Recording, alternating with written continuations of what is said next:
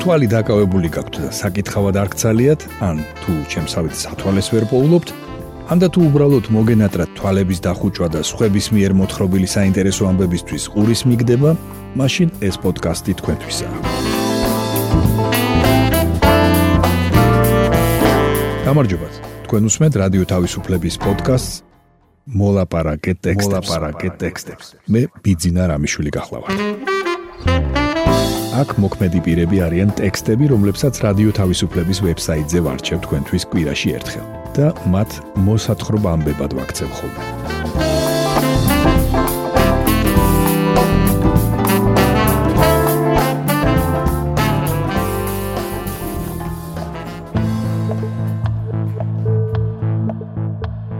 დღეს ვისაუბრებთ რეზო გაბრიაძის შემოქმედების ერთავისებურებაზე.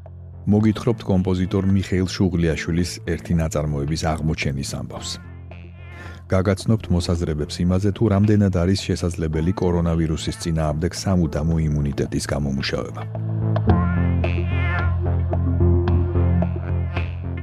პოდკასტს დავიწყებთ ჯიმშერ ეხვიაშვილის სტატიით გაბრიაძის ადამიანური ფიზიკა. გემახსოვრებათ მოკლემეტრაჟიანი მხატვრული ფილმი ქვევრი, რომლის სცენარის ავტორი რეზო გაბრიაძეა. გემახსოვრებათ ამ ფილმის პერსონაჟების მილიციელების ღრმა მეცნიერული მსჯელობა ქვევრში ადამიანის გაჭედვის კანონზომიერებისა და პარადოქსის შესახებ. ამოდენა ნახრეთში თავი თუ გამოეტია ტანი რატომ არეტევა? იკითხავს მილიციის უფროსი. ხელს ნუგიშლი დამხარაგო. ჩვენ თვითონ გავარდე. ხოდა რას გეუბნები? კარგად ამიგდა ხოლმე. ხო. თავი თუ გამოეტია ტანი რატო არეტევა? ეს ხო წრეა. ლაუაზიეს კანონი. ლაუაზიე ვინ არის? აი უყურე უფროსო. უპასუხებს ხელქვეითი და კანონის ექსპერიმენტით დადასტურებას დააპირებს. წყადია მსგავსი არაფერი ხდება პირანდელოს მოთხრობაში, რომლის მიხედვითაც დაიწერა ქვევრის სცენარი. ლაუაზიეს ეპიზოდი რეზო გაბრიაძის იმ ფიქრის ناقოფია, რომელიც სულ მუდამ დასტრიალებდა მათემატიკისა და ფიზიკის კანონების წვდომის წყურვილს და რომელსაც ხაზგასმული დილეტანტიზმითა და დახვეწილი იუმორით იკლავდა ლამის ყველა სცენარსა თუ მოთხრობაში. ცხადია ლაუაზიეს იგივე ნივთიერების შენახვის კანონი არაფერ შუაშია არც ადამიანის თავისა და მხრების სიგანესთან და არც ქვევრის ყელის დიამეტრთან.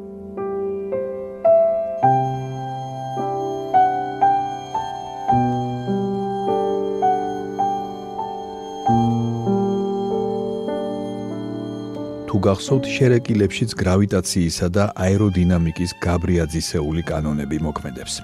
კანონები, რომლებიც ფიზიკისა და ლირიკის ერთგვარი ნაზავია და რომელშიც სიგრძე უდრის სიყვარულს, სიგანერწ მენას, სიმაღლე იმედს.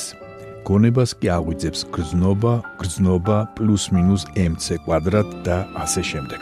შეიძლება ბევრმა არ იცის, რომ თავიდან შერეკილები ჩაფიქრებული იყო როგორც კომედია პირველ ქართულ მფრინავებზე. რეალურ ადამიანებზე. აი რას ამბობდა თითქმის 50 წლის წინ თვითონ რეზო გაბრიაძე, როცა შერეკილების სცენარზე მუშაობდა.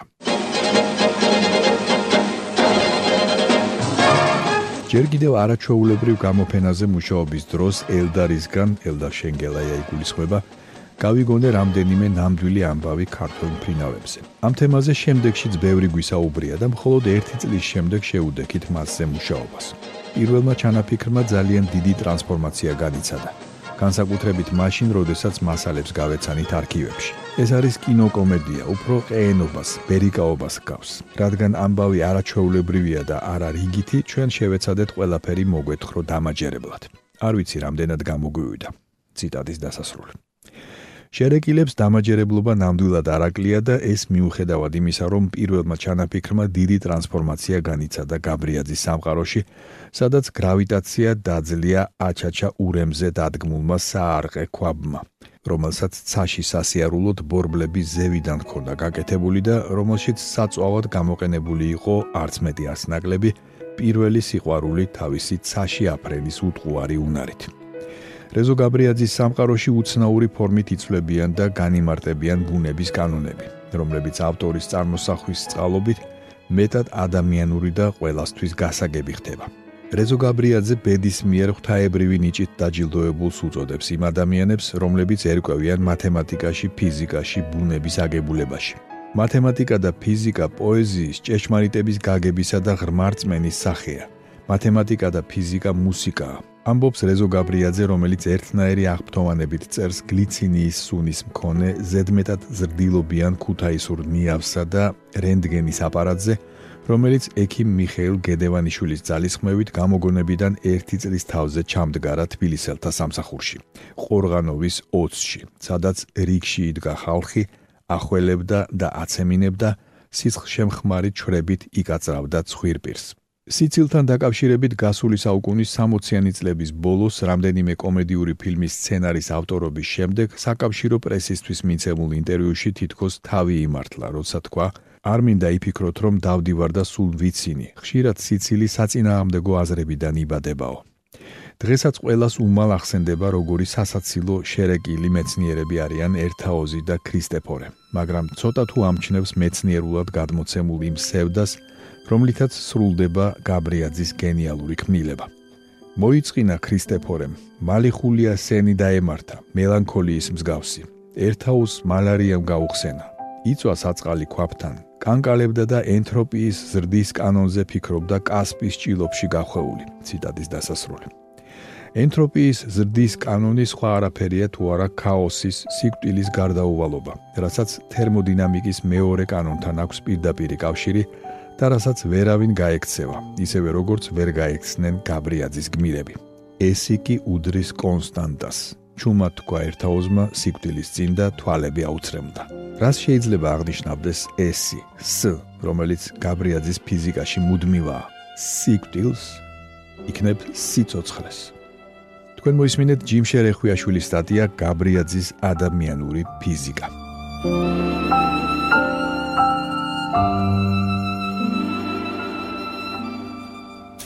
თქვენ უსმენთ პოდკასტს მოლაპარაკე ტექსტებს. ახლა გთავაზობთ თეატოფურიას სტატიას ჯობს გვიან ვიდრე არასდროს, როგორ აღმოაჩინეს შუღლიაშვილის ნაწარმოები. იპოვეს ავანგარდული მუსიკის კომპოზიტორის მიხეილ შუღლიაშვილის უცნობი ნაწარმოები, რომლის მოსმენის საშუალება ამ ზაფხულშივე გვექნება.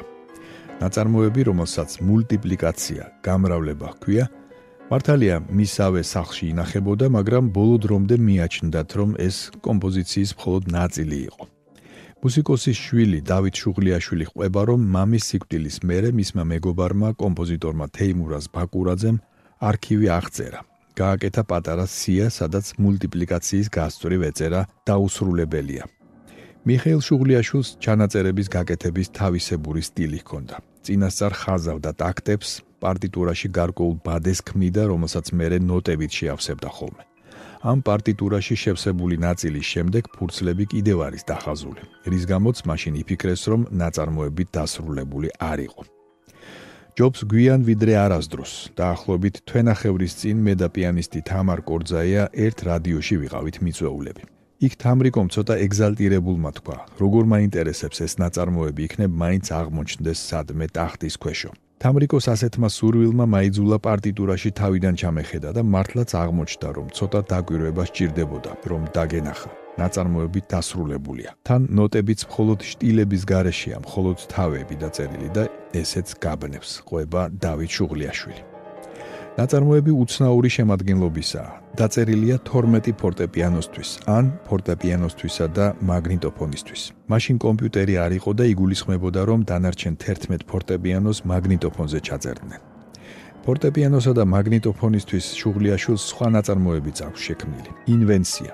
ეს არის კომპოზიცია, სადაც ერთი ფორტეპიანო, რასაც უკრავს, იმასვე, ოღონდ უგუღმა უკრავს მეორე ფორტეპიანო, ან მაგნიტოფონი.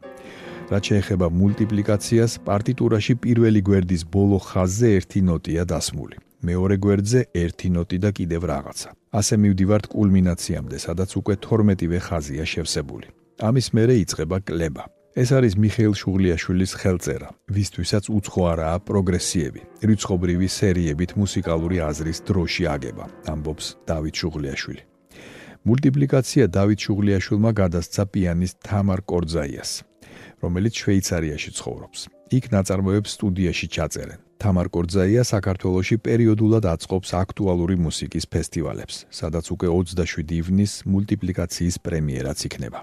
Grand Canoni. ეს არის მიხეილ შუღლიაშვილის კიდევ ერთი ნაწარმოები, რომელიც დაუსრულებელი დარჩა.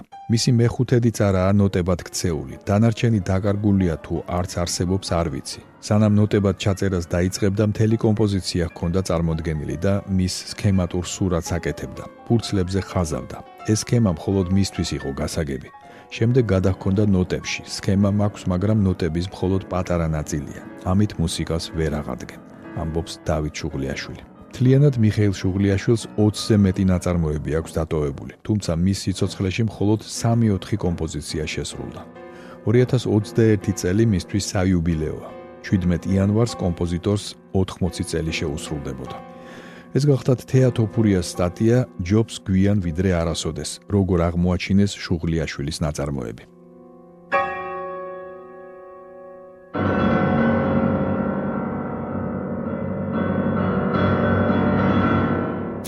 თქვენ უსმენთ პოდკასტს მოლაპარაკე ტექსტებს. პოდკასტს დავასრულებთ ანი ბურდულის სტატიით შესაძლებელია თუ არა სამუდამო იმუნიტეტი კორონავირუსის წინააღმდეგ. ოპტიმისტური პროგნოზები.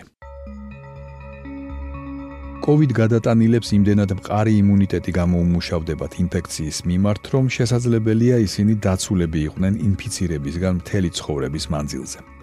ამ დასკვნამდე მივიდა მკვლევართა ორი ჯგუფი, რომლებიც ერთმანეთისგან დამოუკიდებლად იკვლევდნენ საკითხს. ვაშინგტონის უნივერსიტეტის იმუნოლოგთა კვლევის შედეგები გამოქვეყნდა ჟურნალ Nature-ში.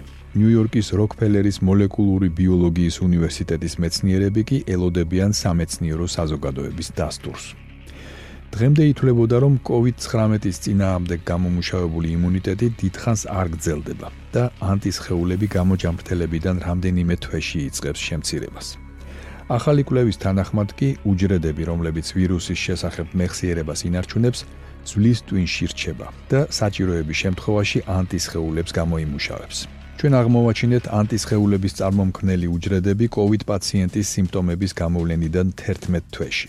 ეს უჯრედები გააგრძელებს პაციენტის ორგანიზმში ცხოვრებას და ანტისხეულების წარმოქმნას, იქამდე სანამ ცოცხლობს თავად ის ადამიანი. შესაბამისად, იმუნიტეტიც შენარჩუნდება, ამბობს კვლევის ავტორი ალი ელებედი. ვაშინგტონის უნივერსიტეტის მკვლევრები ერთი წლის მანძილზე აკვირდებოდნენ COVID გადატანილ 77 პაციენტს, რომელთა ძირითადი ნაწილი შემთხვევაში დაავადება მსუბუქი ფორმით მიმდინარეობდა. კვლევრები ვარაუდობენ, რომ ვაქცინაციის შედეგად მიღებული იმუნიტეტი შეიძლება ისეთივე ხანგრძლივობით დარჩეს ორგანიზმში, როგორც ეს COVID გადატანილების შემთხვევაში მოხდა. ჯერ გადაჭრით ვერ ვიტყვით, ექნება თუ არა იგივე ეფექტი ვაქცინას. 2020 წლის დეკემბერში აიცრა პირველი ადამიანი. 2021 წლის დეკემბრის ბოლოს გავიგებთ, შენარჩუნდა თუ არა ერთი წლის შემდეგ ანტისხეულების მაღალი ტიტრი სისხლის შრატში ანტისხეულების გამსაზღვრელი კონცენტრაცია ორგანიზმში. თუ შენარჩუნდა, აღარ დაგჭირდება ყოველ წელს ვაქცინაცია.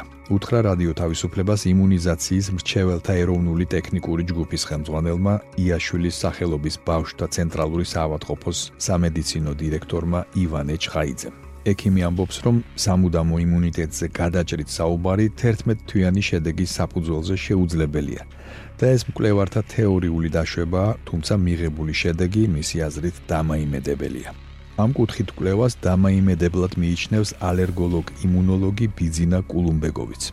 თუმცა ამბობს, რომ ინფიცირებიდან 90 დღეში არ შეიძლება გამოირიცხოს რეინფიცირების შესაძლებლობა. ეს ადამიანის იმუნურ სისტემასა და ბევრ სხვა ფაქტორზეა დამოკიდებული. რომ შევაჯამოთ, გამოდის, რომ COVID-19-ის წინააღმდეგ სიცოცხლის ბოლომდე იმუნიტეტზე საუბარი გადაჭრით ჯერ არ შეიძლება. მხოლოდ რეალურ გარემოში პაციენტებზე ხანგრძლივი დაკვირვება მისცემს ექიმებს და მეცნიერებს მტკიცების საშუალებას. გარდა ამისა, იმუნოლოგების განმარტებით, მხოლოდ ანტისხეულების შენარჩუნება არ არის საკმარისი პირობა იმისთვის, რომ ვირუსით არ დავინფიცირდეთ, რადგან არსებობს კვლევის მონაცემები, როდესაც რეინფიცირებულთა 27%-ს ანტისხეულების არსებობის პირობებშიც კი შეეყარა ვირუსი. ხარისხია მნიშვნელოვანი და არა რაოდენობა, ამბობს ექიმი ბიძინა კულუნბეგოვი. თქვენ გაიცანით ანი ბურდულის სტატიას შესაძლებელია თუ არა სამუდამო იმუნიტეტი კორონავირუსის წინააღმდეგ. ოპტიმისტური პროგნოზები.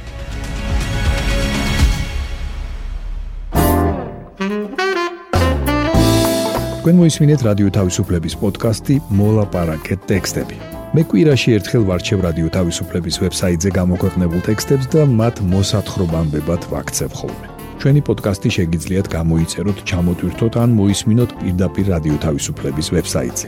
მისი მისამართია თავისუფლება.ge. თუ ჩემი მიერ მოთხრობილი ტექსტები სრული სახით დაგაინტერესებთ, მათი მოძებნა იულია. ვებსაიტზე, პოდკასტის გვერდზე იპოვით ყოველ ცალკეულ პროგრამაში მოთხრობილი ტექსტების ბმულებს. მე ბიძინა რამიშვილი ვარ. მომავალ შეხვედრამდე.